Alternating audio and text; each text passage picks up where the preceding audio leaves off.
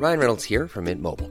With the price of just about everything going up during inflation, we thought we'd bring our prices down.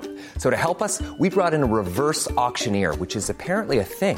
Mint Mobile unlimited premium wireless. Ready to get 30, 30, bit to get 30, bit to get 20, 20, 20, bit to get 20, 20, bit to get 15, 15, 15, 15 just 15 bucks a month. So, Give it a try at mintmobile.com slash switch. $45 upfront for three months plus taxes and fees. Promo for new customers for limited time. Unlimited more than 40 gigabytes per month. Slows. Full terms at mintmobile.com. There's never been a faster or easier way to start your weight loss journey than with PlushCare. PlushCare accepts most insurance plans and gives you online access to board-certified physicians who can prescribe FDA-approved weight loss medications like Wigovi and Zepbound for those who qualify. Take charge of your health and speak with a board-certified physician about a weight loss plan that's right for you. Get started today at plushcare.com slash weight loss. That's plushcare.com slash weight loss. plushcare.com slash weight loss. Planning for your next trip? Elevate your travel style with Quince. Quince has all the jet setting essentials you'll want for your next getaway, like European linen, premium luggage options, buttery soft Italian leather bags, and so much more. And is all priced at 50 to 80% less than similar brands. Plus, Quince only works with factories that use safe and ethical manufacturing practices. Pack your bags with high-quality essentials you'll be wearing for vacations to come with Quince. Go to quince.com slash pack for free shipping and 365-day returns. Alltså det vi pratar om, det, är, alltså det samtalsämnet som vi pratade om. Mm. Vi pratade om 1995. När det hände. Mm. Jag, och vad som har hänt med... Det var inte som ah, ja det har hänt och det är, varför det har hänt. Utan era barn. Alltså du vet, det, blev för mycket för mig. Alltså. Och när min mamma pratade om det och när hon grät bror. Alltså du vet. Det är ju de som har gjort det. Det är ju de som har gjort det. det alltså, du vet, jag, jag, tar inte, jag respekterar alltså, mig, people rest in peace. Förstår du? De här har också familjer som också sörjer. Alla har sin...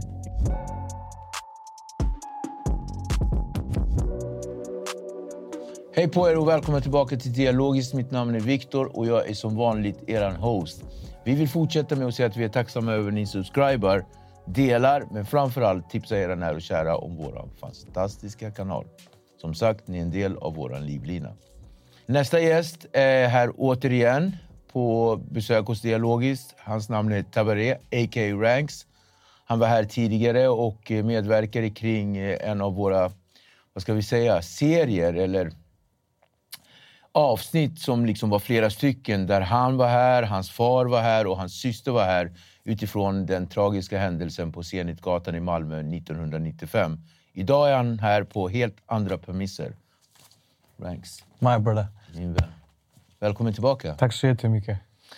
Wow. Eh, jag fick lite flashbacks när eh, jag gjorde den här presentationen just nu. Jag kände det precis i denna stund.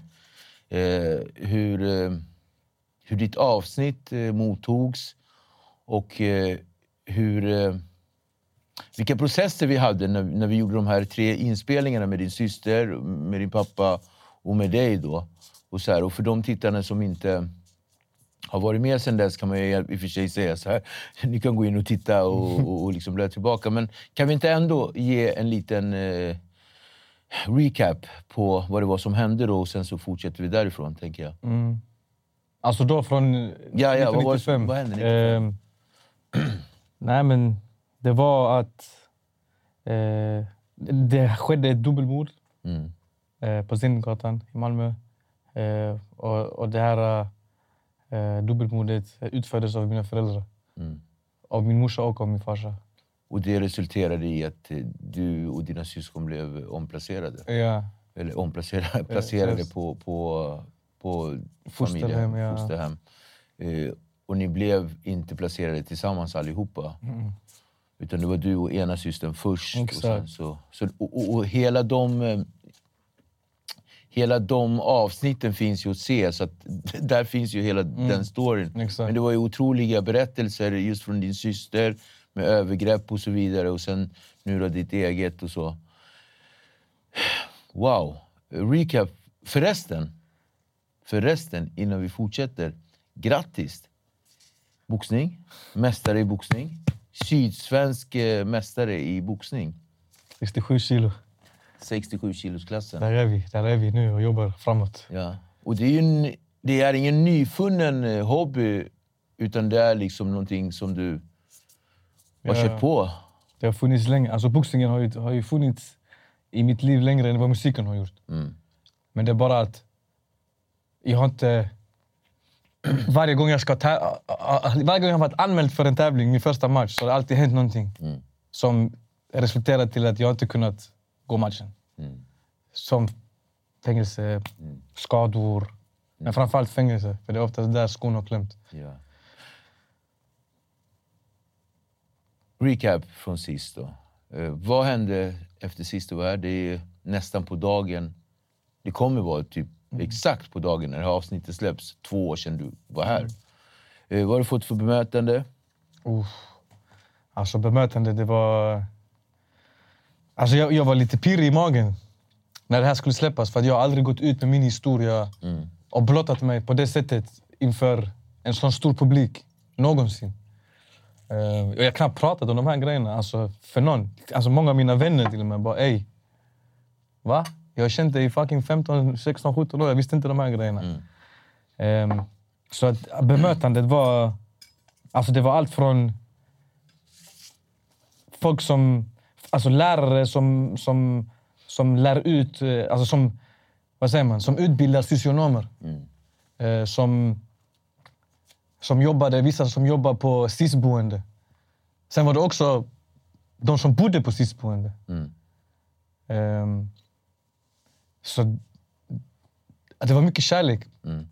Och jag frågar mig, du vet, när, när, jag, när jag... Det var en, en specifik händelse efter, ehm, efter det här eh, avsnittet. Det var, jag tror det var någon högskola i Eskilstuna. Eller vad, det var något, något ställe i Sverige i alla fall. Och de frågade om jag ville komma dit och föreläsa. Så jag tänkte jag bara... Va, till vad? Alltså, vad kan jag ge de här socionomerna i deras utbildning för att bli socionomer?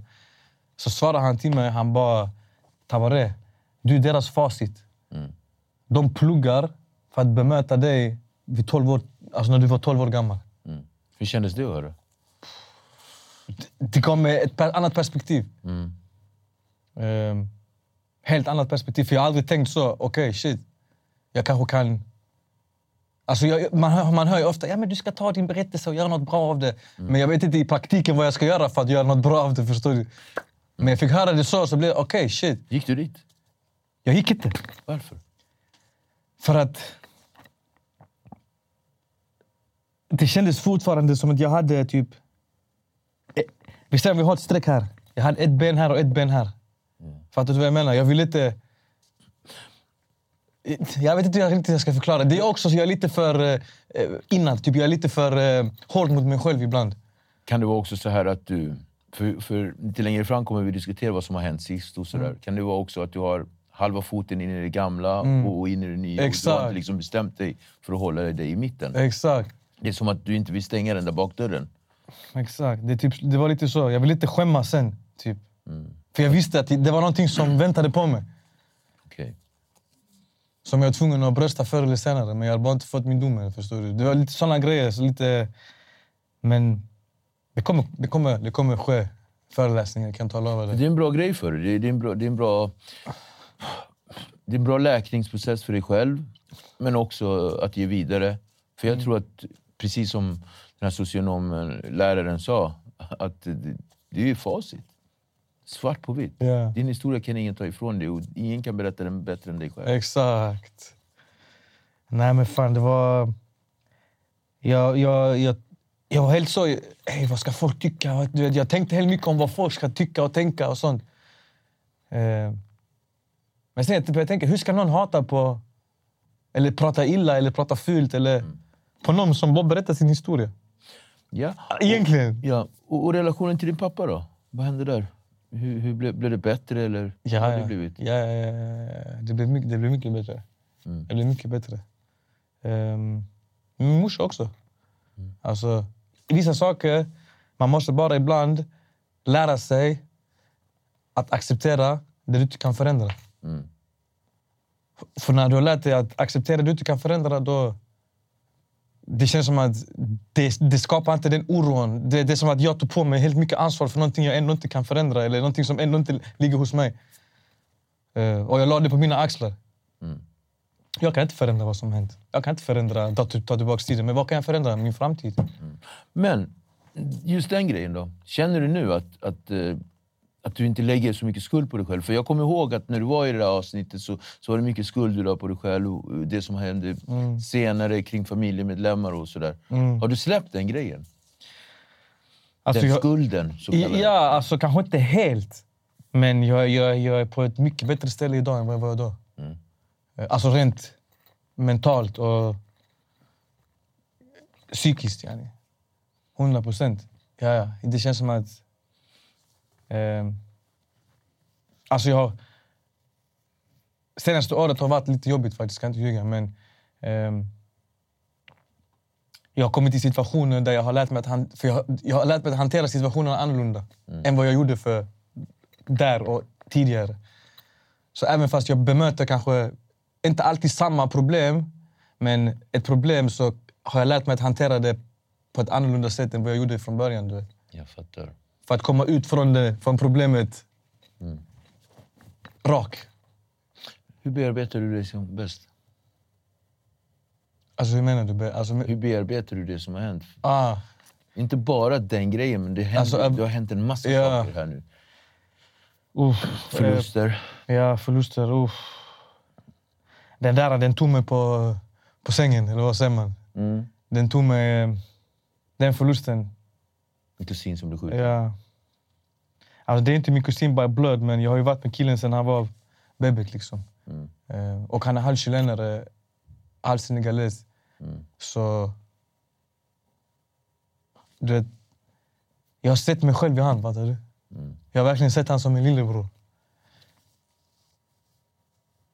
Och när han gick bort, bror... Alltså, jag var, inte- jag var inte mig själv på sex, sju månader. Bro. Jag gick och grät hela tiden. Vad jag än gjorde, jag grät. Bro. Alltså, jag kunde inte, det, det fanns ingenting jag inte kunde göra utan att gråta. Men sen jag var tvungen, okej. jag pratade mycket med, med hans pappa, eh, med hans farbröder. Ehm. Um,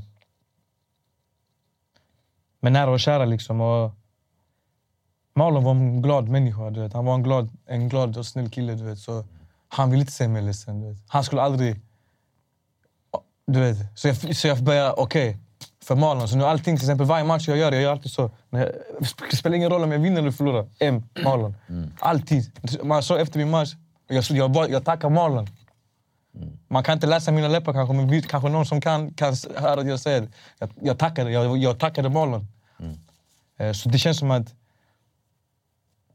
den förlusten, den första, den första tiden, ja, rakt av, den dödade mig. Alltså. Ehm, Men nu, Men, men hur går du igenom förluster? Alltså, hur, för, för det är lite det någonstans ja, försöker- hur jag går igenom, alltså bror, jag vet inte hur jag ska förklara det. Alltså, jag, jag kan inte sätta ord på det. Jag bara går på autopilot typ. Jag, jag har inte något riktigt sätt att... Jag minns bara den tiden, jag var bara fett introvert. Jag gick tillbaka till det där introverta, du vet. Tyst. Gick till studion. Man kommer höra mitt album. Mitt album är klart nu äntligen. Mitt album pratar mycket om Marlon. Och, och, de, och de känslorna jag kände i den förlusten. Liksom. Ehm, så det är väl ett sätt att, att jag gick till studion och speak my shit. Liksom. Att, jag, att jag pratade med micken om Marlon. Och vad han betydde för mig och hur det påverkade mig att han gick bort. Liksom. För det sjuka var att dagen han gick bort så, så hade vi, jag hade en, eh, en, gra, en grafisk designer och en, en graffare från Uppsala som var i Malmö för att de skulle göra covern till mitt album. Bro. Eh, så, så sitter vi i min soffa, vi, har nyss, de sov hos mig, så vi nyss vakna, klockan är kanske tio. Och så bara... Du vet, när någon när någon, det var också under den tiden det var mycket mord i Malmö. Du vet. Eh, så när någon går bort så bara, ja, en, en ung man hittar död, eh, ännu oidentifierad. Så vad tänker jag? Det är någon utan papper. Varför det? För att han är oidentifierad, han har inget pass. Det var så jag tänkte. Sen gick det några timmar. Så ringer hans farbror mig och säger Ey, vad gör du? Vad, vad gör jag? Vad händer? Han bara, gå in i ditt rum och sätt dig ner på sängen. Va? Man, jag, jag är bevuxen. Vad snackar man? Vad ska du säga? Han bara, bror gå in och sätt dig i sängen. Du vet, gå in och sätt dig. Jag bara, jag går in. Han bara, Malin är död. Bror. Han bara, Malin är död. Jag bara, mannen. Snackade med honom igår man. Jag snackade med Malin är död. man. Han bara, Malin är död. Jag klickade han. Och så gick jag ut till de andra. Jag bara, ey Malin är död. Sen de bara, mannen va? E, jag gick tillbaka till rummet. Jag ringde, ringde han igen. Bror, vad sa du nyss till mig? Han är död. Ah. Nu jag tappar mig lite vad poängen var, men du vet.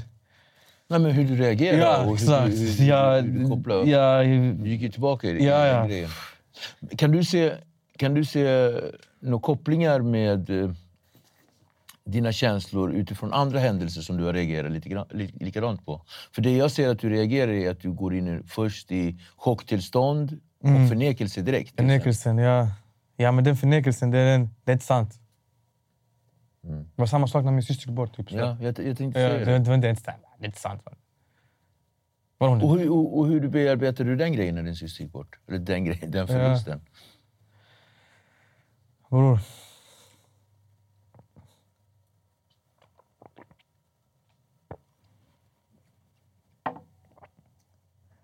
Jag börjar... Jag börjar du vet, jag börjar bearbeta den grejen då i samband med det förra avsnittet. Så jag har inte... Jag har bara förnekat det. Det har inte hänt. Ja, jag fattar. Alltså, och gör ja. någonting annat. Och det var därför jag frågade inledningsvis, när vi kom in på det här. Hur gör du när du bearbetar? Okej, du bearbetar inte ordentligt, eller så Mm. Man kanske gör normalt sett. Vad gör du istället? Rappar du?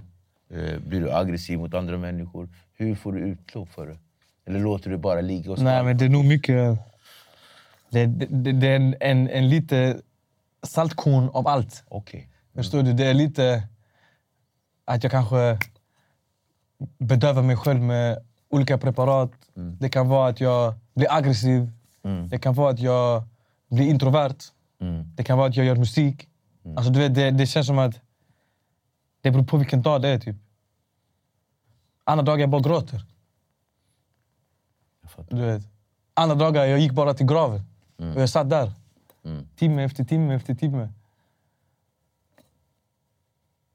Så alltså... Det finns inget riktigt recept på hur man bearbetar en sån förlust. Det är sant. Och Det är sant. För Ja. det kanske jag ska ta tillbaka när jag sa normalt sett. Eh, Men du känns ju som en tänkare. Vad, händer, vad gör du med dina tankar? bror.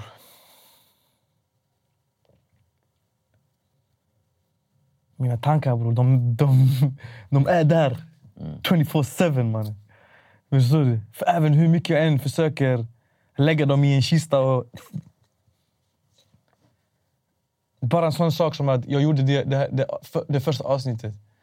Det var som att jag öppnade en kista och jag kastade den i havet istället för att ha den i, i själen. För att... Framförallt när man är tyst bror. När jag inte pratar. Det då... Min, min farsa sa till mig, han bara... Tabare, han bara... I, I tystnaden kommer du minnas vad din själ redan vet. Okej, Does it make sense? ja. Jag fattar. I tystnaden kommer du minnas vad din själ redan vet.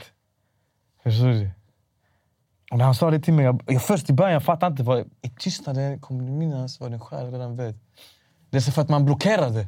Jag, det. Det min själ redan vet, jag blockerar det. Genom att kanske röka eller genom att bli aggressiv. Genom att göra alla de här sidogrejerna. Liksom. För att inte känna det jag verkligen känner.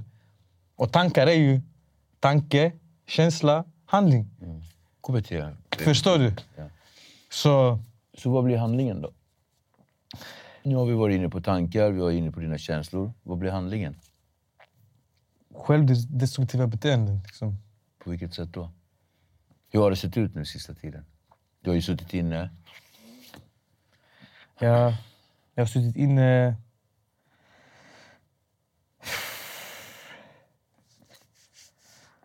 Ja, man.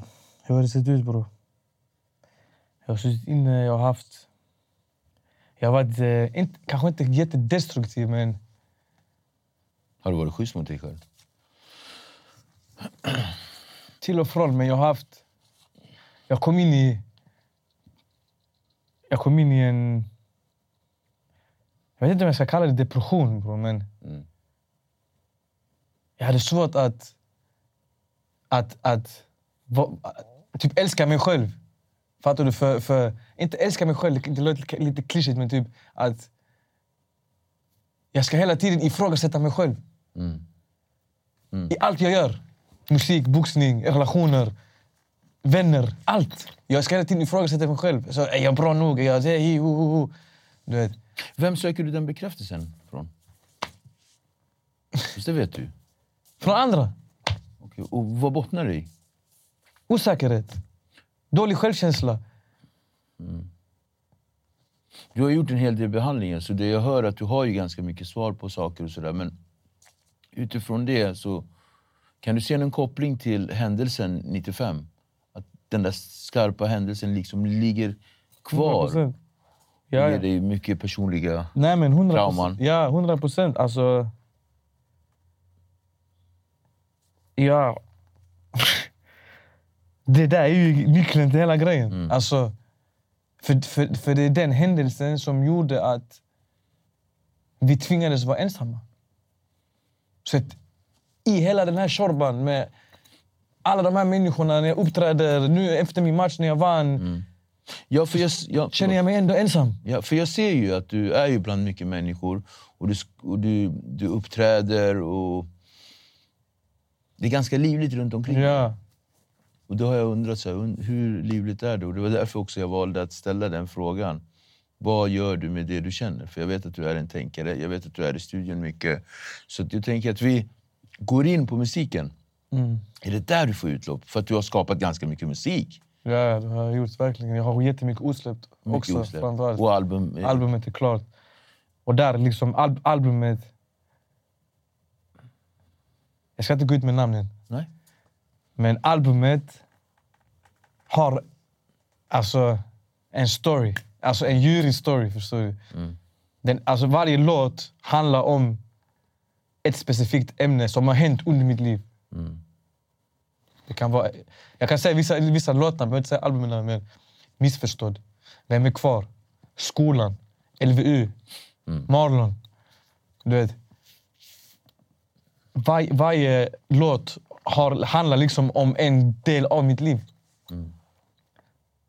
Och jag har gråtit mycket under det här albumet. Bro. När jag har skrivit detta albumet. Det, det har varit mycket känslor för att jag har suttit mycket... Och det som är fett är att många av de här låtarna, när de har skapats, så har det funnits en kamera. Ja. För jag tänkte på det. Dokumentär. Du har gjort ja, din dokumentär som har följt dig ända sedan innan du var här första gången. Precis. Eh, Berätta om den här dokumentären.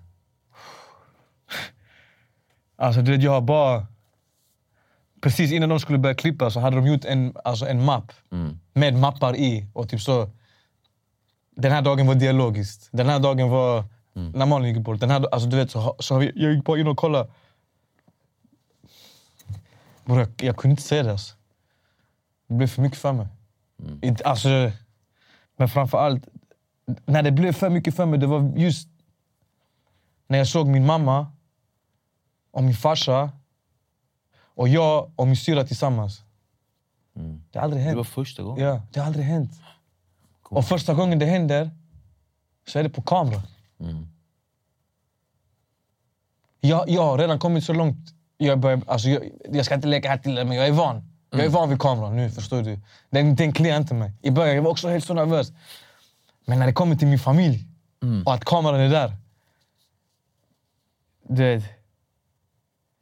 När jag såg det från tredje person. Alltså det vi pratar om, det, alltså det samtalsämnet som vi pratade om. Vi pratade om 1995. när det hände. Jag, och vad som har hänt. Med, det var inte som ja, det har hänt och det är, varför har det hänt. Utan era barn. Alltså, du vet, det, det blev för mycket för mig. Alltså. Och när min mamma pratade om det och när hon grät, bror. Alltså, du vet, det är de som har gjort det. Det är de som har gjort det. det alltså, du vet, jag, jag, tar inte, jag respekterar Alltså mig, people rest in peace, förstår du? De här har också familjer som också sörjer. Alla har sin... Ja, men jag tänkte komma in på det. Dina föräldrar var ju med och orsakade så att andra familjer också led. Precis som Precis. du och dina syskon fick göra. Hur ser du på den grejen? Hur blir det när du någonstans tittar på dina föräldrar, i det här fallet kanske då din mamma, som en förövare men också ett offer? Och dig själv som ett offer men som också har en gemensam nämnare till din mammas offer. Alltså fattar du? Ja, alltså det... Hur blir det? Hur... Det måste ju ändå vara en livsuppgift att ta sig igenom. Alltså jag, vet, jag vet inte riktigt vad jag ska säga. Alltså, för det, alltså det, absurt kanske inte är rätta ordvalet, men något i den stilen. Det, det, alltså det, är det ens på riktigt? Men Tabaré, eh, vi har ju ändå kommit överens om att du har svårt för att stanna i, i saker och hantera känslan på ett sätt som gynnar dig.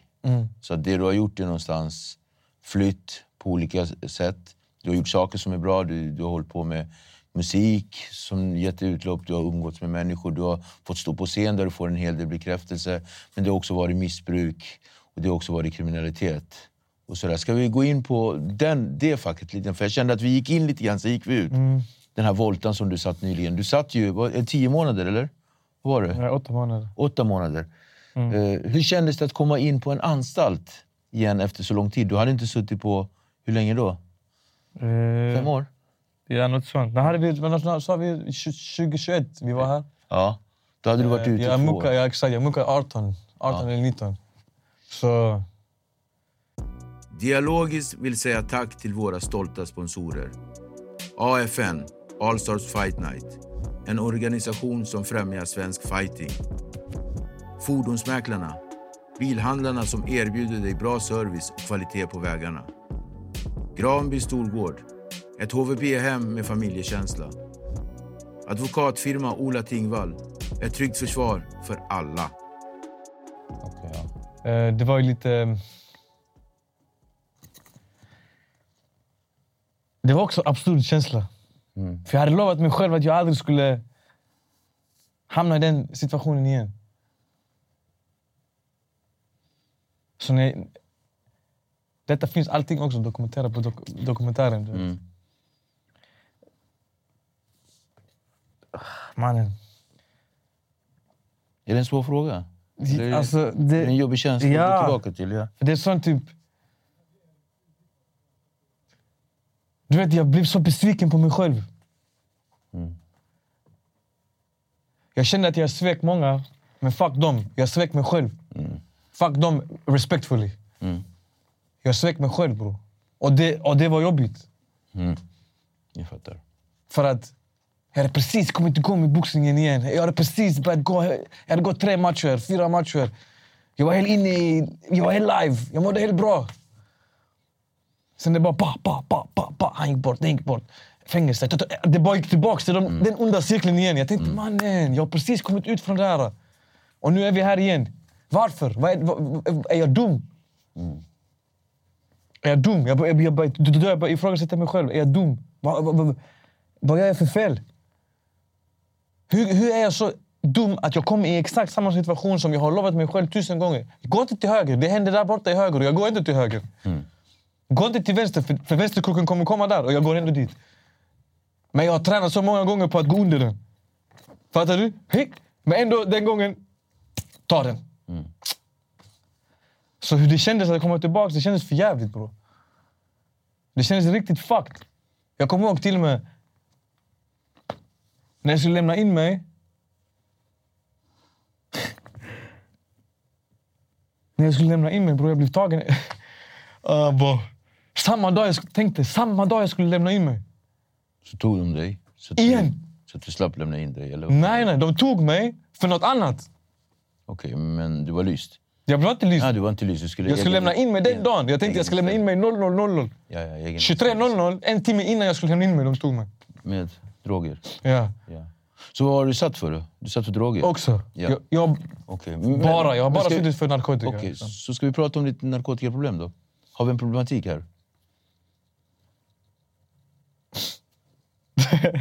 ja, men för det känns som att det är dit vi hamnar Ja, nu. alltså... liksom. Jag, jag, är ju inte, jag är inte dömd för ringa narkotika. Nej. Men... Alltså, jag, jag är ju inte dömd för eget bruk. Men... Jag har rökt, ja. 100 procent. Mm. Men det jag suttit för senaste, senaste tiden har inte varit röka. Nej, jag fattar. Fattar du vad jag menar? Jag fattar men, menar. men... Vissa tillfällen, ja, jag har överdrivit. Jag svär, jag har överdrivit. Hur har det påverkat ditt, ditt, ditt eh, konstnärskap? Musiken? Alltså, det kreativa. ja. Bror, när jag kommer in i den ruschen, ingen ser mig. Bro. Jag loggar ut. Jag blir Musikruschen? Eller vad menar du? allt. Ja. Jag kommer inte ens upp från min säng. Hur menar du nu? När, när jag går in i den här narko narkotika-viben, Ja, okej, alltså, ja, fattar du vad jag menar? När jag börjar bruka narkotika Ja. och jag överdriver. Jag försvinner bror. Ja. Jag pratar inte med någon. Var är du på för plats idag? Narkotikamässigt. Mm. Bror. Upp och ner. Det är upp och ner. Okej. Dokumentären som du, som du har gjort, Mm. när släpps den? Det finns inte exakt, men det är preliminärt nästa år. För de har gått med dig i tre, fyra år. Har mer. Ja. Sen jag Kommer- kom ut. Kommer, okay, Chock. jag vet, du var väl ganska stor i växten och sådär. Kommer det med i dokumentären kring ditt missbruksproblem och att du har suttit inne? Det kommer, Mm. Allt. Allting kommer med i Allt. dokumentären. Allt. Vad tar man för ställning i den då? Jag? Ja, eller vad tar de för ställning? Alltså, kring dokumentationen och så. Alltså, det, det är egentligen inte deras jobb att ta ställning. De bara filmar. De bara filmar och dokumenterar. Ja. Ja, lite Men, men, skildringar. men, ja, men alltså... För jag tänker på en annan aspekt kring, kring det. Eh, du, eh, du är ju ganska öppen med den du är och hur du är. Så jag undrar vad de har för vinkel när de gör en skildring. Vad heter dokumentären till att börja med? Så långt har vi inte kommit. Det, så långt har den inte kommit. Ja. Och vad är meningen med skildringen? Bra fråga. Ja. Nej, alltså jag ska vara ärlig, jag vet inte riktigt. Jag vill inte sitta och säga... För jag vet, alltså, för att vara ärlig bror, jag har inte pratat så mycket om dokumentärer. Med vem? Med allmänheten eller med de som du gör produktionen med? Nu har klippningen börjat. Ja. Alltså nyss, nyligen. Alltså nu för två månader sedan bror. Ja. Så vi har, inte, vi har bara varit inne i filma, filma, filma, filma, Ja. filma, filma. Kom med här, följ med här. Vi ska göra det. Vi ska Och vilka är det du gör den med? det. Eh, det är två frilansare från eh, Lund. Ja. Eh, men de, de, är, de är feta. De har, ehm, de har filmat mycket i, i, i Sydamerika. Mm. Alltså de har varit där. Liksom, med allt från karteller till staten till folk som är i alltså, bybefolkningen som krigar mot, mot, eh, mot karteller för att de inte ska ta deras mark och göra kokablad. Medan alltså, du vet, de har ändå varit på feta ställen liksom, och filmat. Eh, så Men boxningen då? Mm. Hur liksom, i boxningen och den här dokumentären, hur har det gått ihop? Alltså, har de varit med på alla, på alla träningar? inte alla träningar, men Hur många matcher har det gått sen du kommit ut? eh, sen, alltså, sen chock. Nej, sen du Sen kom nu. ut den här gången. Du, du har varit den- en match och det var en titelmatch. Mm. Och du vann titeln direkt. Ja, jag fattar. Så du är liksom sydsvensk mästare i boxning 67 kilos klass. Men det är också den... Du vet, hela voltan. Ja, just det. Hur kändes det? Om vi går tillbaka till det, hur kändes det att sitta igen? Det kändes för jävligt. Men jag hade en helt annan mindset den här gången. Men alltså, skitsamma egentligen. Utan det jag tänker på att nu när du har kommit ut, den du är, Mm. du ska släppa ett album, du har gjort en massa musik. Du håller på med en dokumentär. Du har blivit sydsvensk mästare i boxning 67 kilo-klassen. Absolut. Problematiken då? Det är den jag tänker på. Eh, alltså missbruket i sig. Som går fram och tillbaka. Eh, Du kanske är en av de få gästerna som jag väljer att hämta som gäst som fortfarande inte liksom är helt, helt clean. Den senaste var ju Alex Ceesay, som nu är helt clean, men som också... Det är klart att man kan falla fram och tillbaka, men det jag försöker lägga fram och utifrån tittarnas perspektiv är var vill du hamna och vad vill du kalla dig? Det är en jätteviktig fråga. Förstår du? Mm.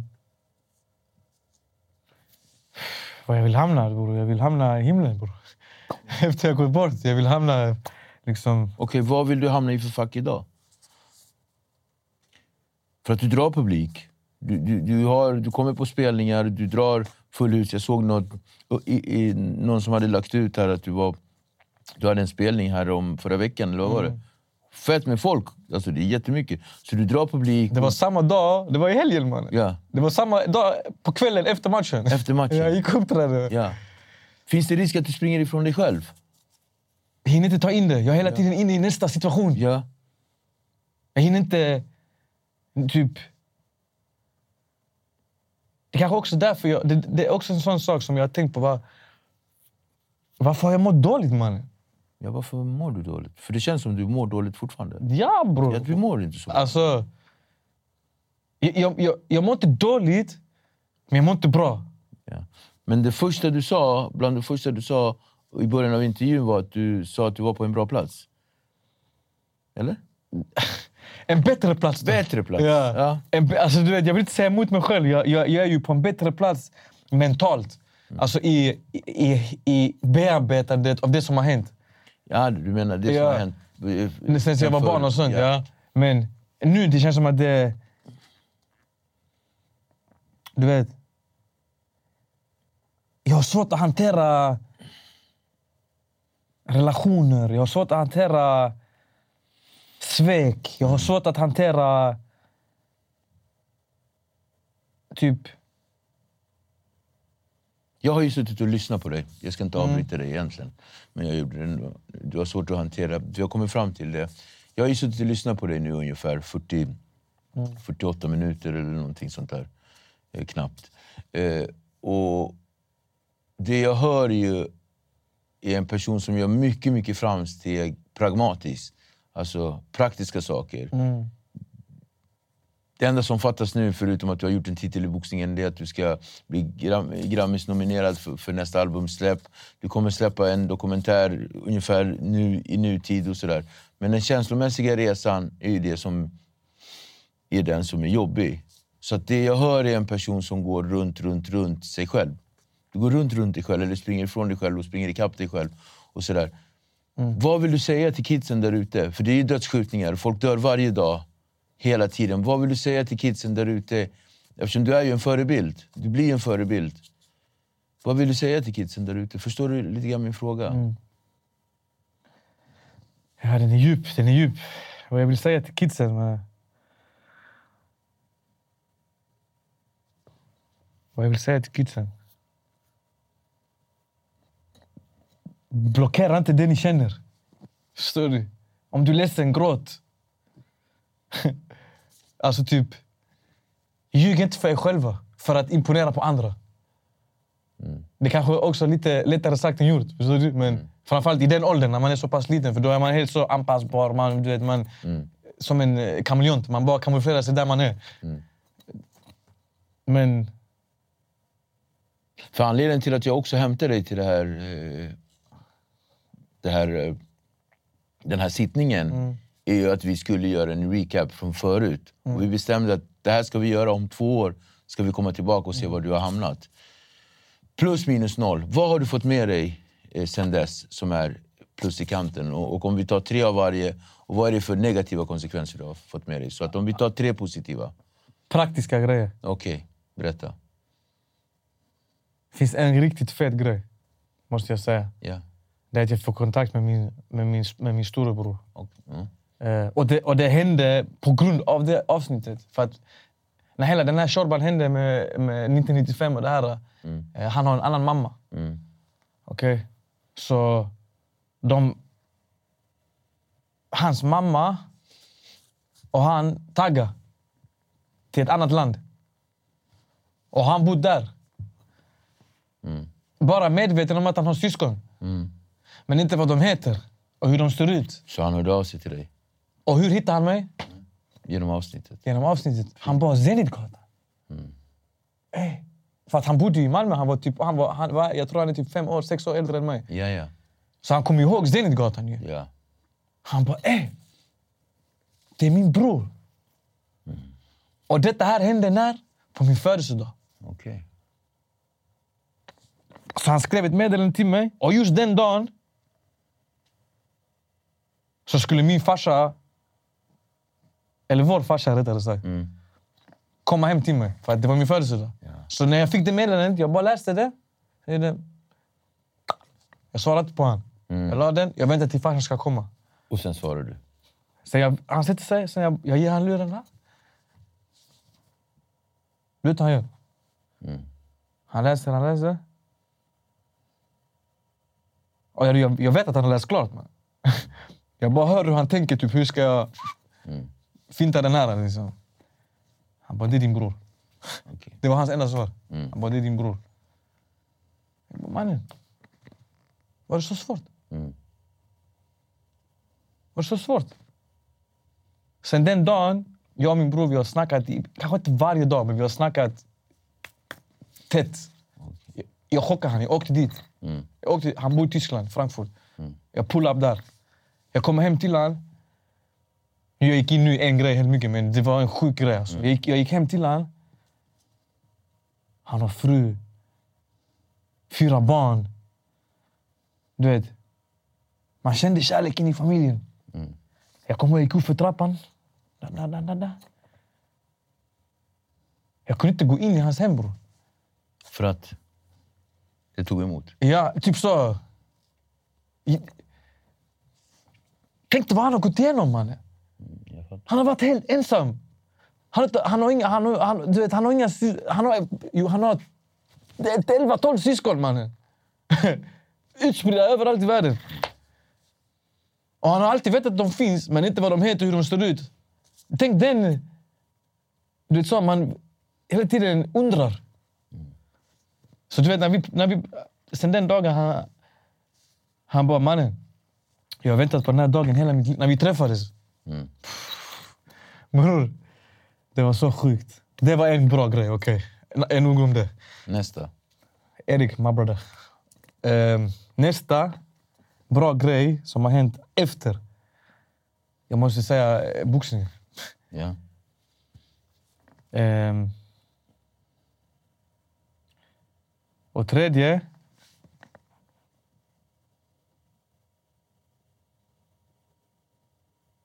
Jag har fått en bättre relation med... Inte bara min farsa, men min familj. Mm. Mamma?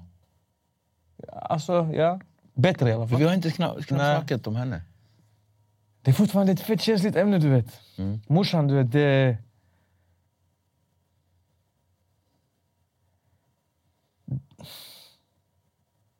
Jag vet inte, det bara känns som att ibland jag och min mamma vi missförstår varandra hela tiden. Har varit så hela livet. Typ. Ja. Så att vi väljer att inte prata. Vad har hennes syn på att du har varit med i avsnittet? Hur bemöttes det av henne?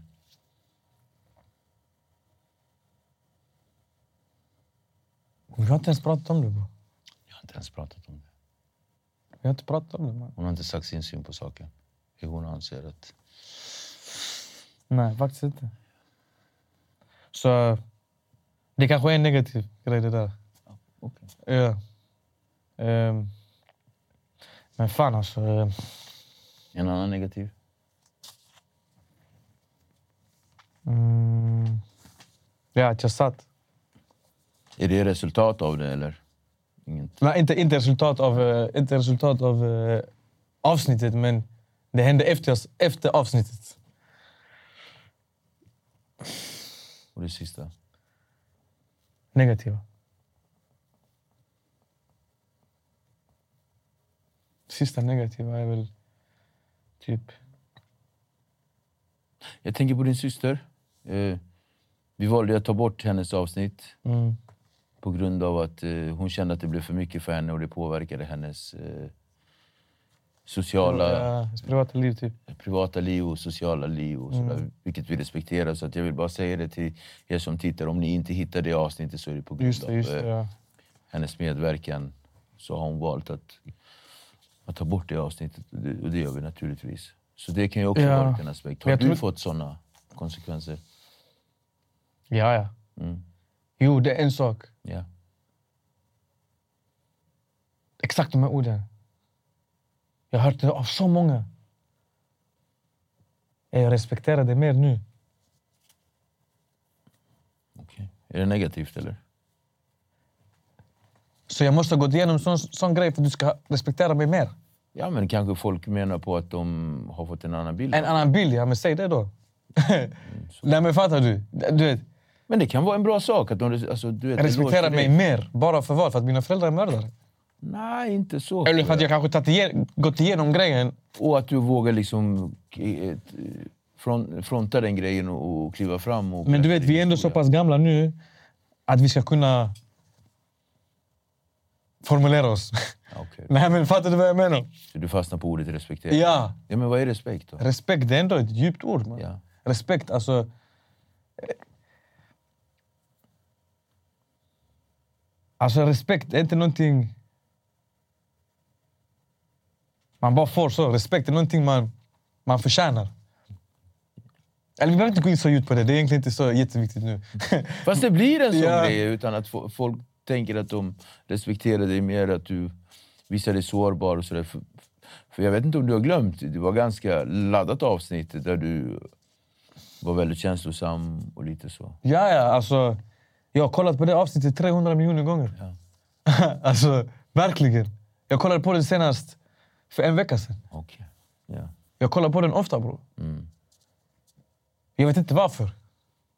Men mina händer går in på Youtube och söker Rank Zenitgatan. Mm. Och jag sitter där. Det var efter matchen. Nu i helgen. Mm. Okej. Jag satt och kollade på den så. Klockan sex på morgonen, helt full. du vet.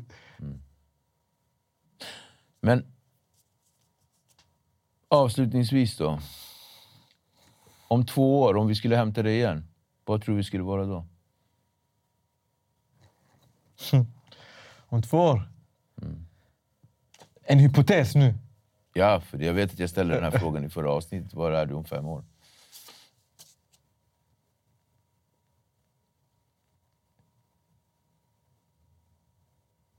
Svensk mästare. Jag sa det. Svensk mästare. 67 kilo. Det är titel. Ja. Känslomässigt? Känslomässigt. Fan, jag vet inte alltså. Ja. Om två år.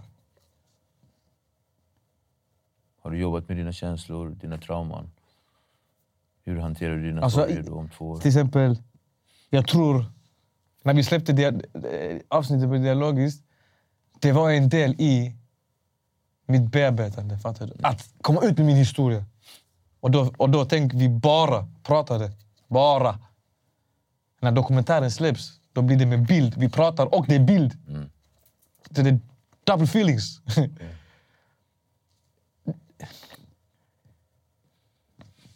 Du vet, det finns en scen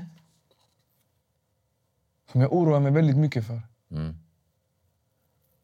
Och det var på morgonen innan vi kom hit. Kommer du ihåg jag berättade det? Innan vi gjorde avsnittet här på Dialogiskt, på morgonen, vad som hände. För den helgen var ganska fullspäckad. För vad som hände, sjuka grejer. Massa sjuka grejer hände. Ni filmade? Ja. Så vi... På morgonen, bror. Jag gick första gången i mitt liv till, till min systers grav. Där, det så börjar hela dagen, bror. Och jag sitter där så, hej, hej. En timme, typ. Jag och min vän. Och min syster. Och vi, pratar, vi säger inte ett ord, bror. Vi bara helt tysta. En timme typ. Och sen efter, vi går hem, vi går hem till min mamma. Och jag hade redan sagt, typ en vecka tidigare, ja, jag kommer komma, du vet. Mm. Så jag tror nu min morsa... Jag, vet, jag säger detta av respekt, förstår du vad jag menar? Jag älskar min mamma över hela mitt hjärta. Jag dör för den här människan, du vet. Så jag vill inte du vet, sänka henne eller... Men det var detta som hände nu, det jag ska berätta. Det var det som hände. Vad hände? Jag kommer hem. Det luktar riktigt gott mat. Värsta chilenska maten. Hon har lagat riktigt god mat bro. Och vi går in. Och sen det var någon shuno där, någon chilenare. Och sen vi, vi började äta, du vet. Och sen jag bara, mannen, vad är, vad är mamma? Och han var helt så... Han lekte helt dum. vad? Jag bara, mannen, vad är, vad är morsan? Ah, hon, är- hon är ute någonstans. Jag svarade. Hur ska hon gå? Hon vet inte, jag ska komma. Var har hon gått? man? Hon gått till affären. Vad? Sen jag gått till toan. Ra, toan är låst. Och bror, vi var där en timme nu. Toan är låst. Jag tänkte, ej. Hämta en kniv. Jag öppnar den. Mamma ligger där. Helt full. Okej. Och bror, kameran är där. Första gången jag sa till han, mannen, ta ner kameran. Mm. Och sen jag tänkte, mannen, varför ska jag sitta och säga till han ta ner kameran? Jag måste hjälpa min mamma. Man. Och sen hon började säga så på spanska, mata mig, du så, döda mig, förlåt. Du vet, alla de här grejerna.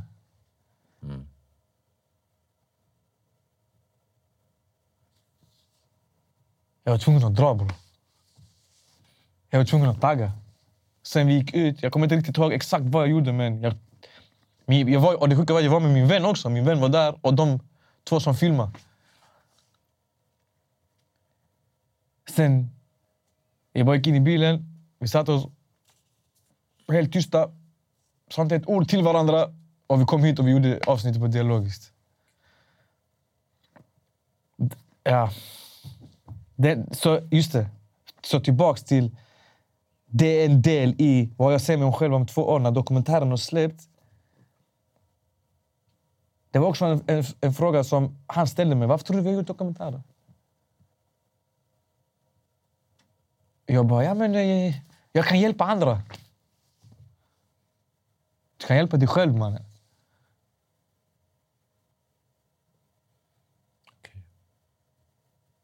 Make it sense?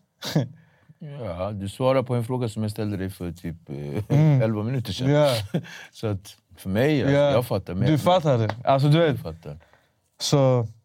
Men jag, men, men jag tänker, hur kom vi in på den här grejen? Det var när vi pratade om de här, vad som är De tre de grejerna. tre grejerna. Vad jag ser mig själv om två år, just det. Och vad du ser dig själv om Mm. två år. För det känns som att du lindar in det svaret i ett annat svar. Ja. Det är som att du har fått en... Alltså du har kommit på ett eget svar nu. Och sen ännu ett, en fråga. Nej, men alltså ännu en fråga. Vi får inte liksom vara osammanhängande. Och så ännu en fråga när jag frågade dig varför du gjorde dokumentären. Men det var någon annan som svarade på den frågan åt dig. Du vet fortfarande inte varför du gör den här dokumentären.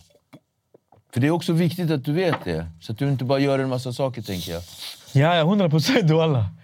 Du vet, det är mycket nu, det är mycket nu bror. Men Jag förstår det mycket. i, i början, jag har, ju, jag har ju kommit underfund med det med tiden. Mm. Jag fattade ju inte det i början. Vilket då? Det med dokumentären. Ja.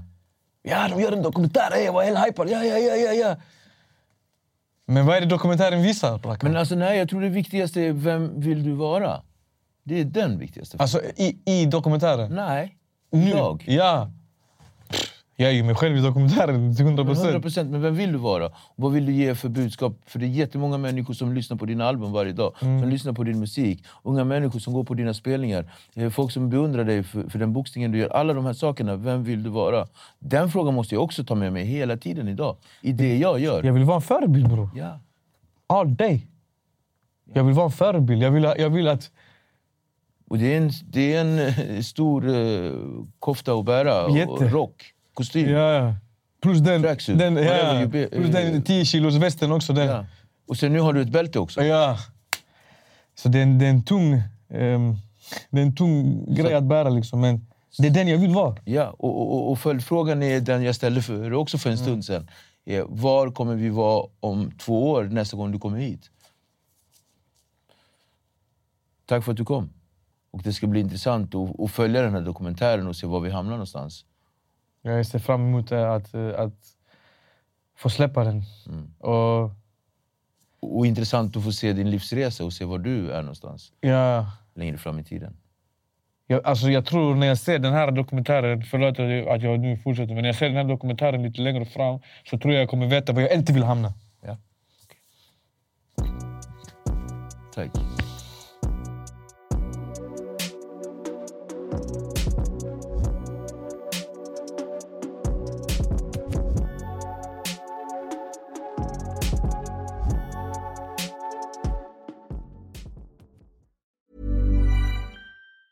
Planning for your next trip? Elevate your travel style with Quince. Quince has all the jet setting essentials you'll want for your next getaway, like European linen, premium luggage options, buttery soft Italian leather bags, and so much more. And it's all priced at 50 to 80% less than similar brands. Plus, Quince only works with factories that use safe and ethical manufacturing practices. Pack your bags with high-quality essentials you'll be wearing for vacations to come with Quince. Go to quince.com slash trip for free shipping and 365-day returns. Hey, folks, I'm Mark Marin from the WTF Podcast, and this episode is brought to you by Kleenex Ultra Soft Tissues, your ally to help tackle your allergy symptoms this season. I love the change of seasons, but nobody loves pollen and all those other things floating in the air that make you sneeze during this nice weather. Kleenex Ultra Soft Tissues are hypoallergenic and allergist approved, so fight back against watery eyes and runny noses without worrying about irritating your skin. For this allergy season, grab Kleenex and face allergies head on. Even when we're on a budget, we still deserve nice things. Quince is a place to scoop up stunning high-end goods for 50 to 80% less than similar brands. They have buttery soft cashmere sweaters starting at $50, luxurious Italian leather bags, and so much more. Plus, Quince only works with factories that use safe, ethical, and responsible manufacturing. Get the high-end goods you'll love without the high price tag with Quince. Go to quince.com slash style for free shipping and 365-day returns.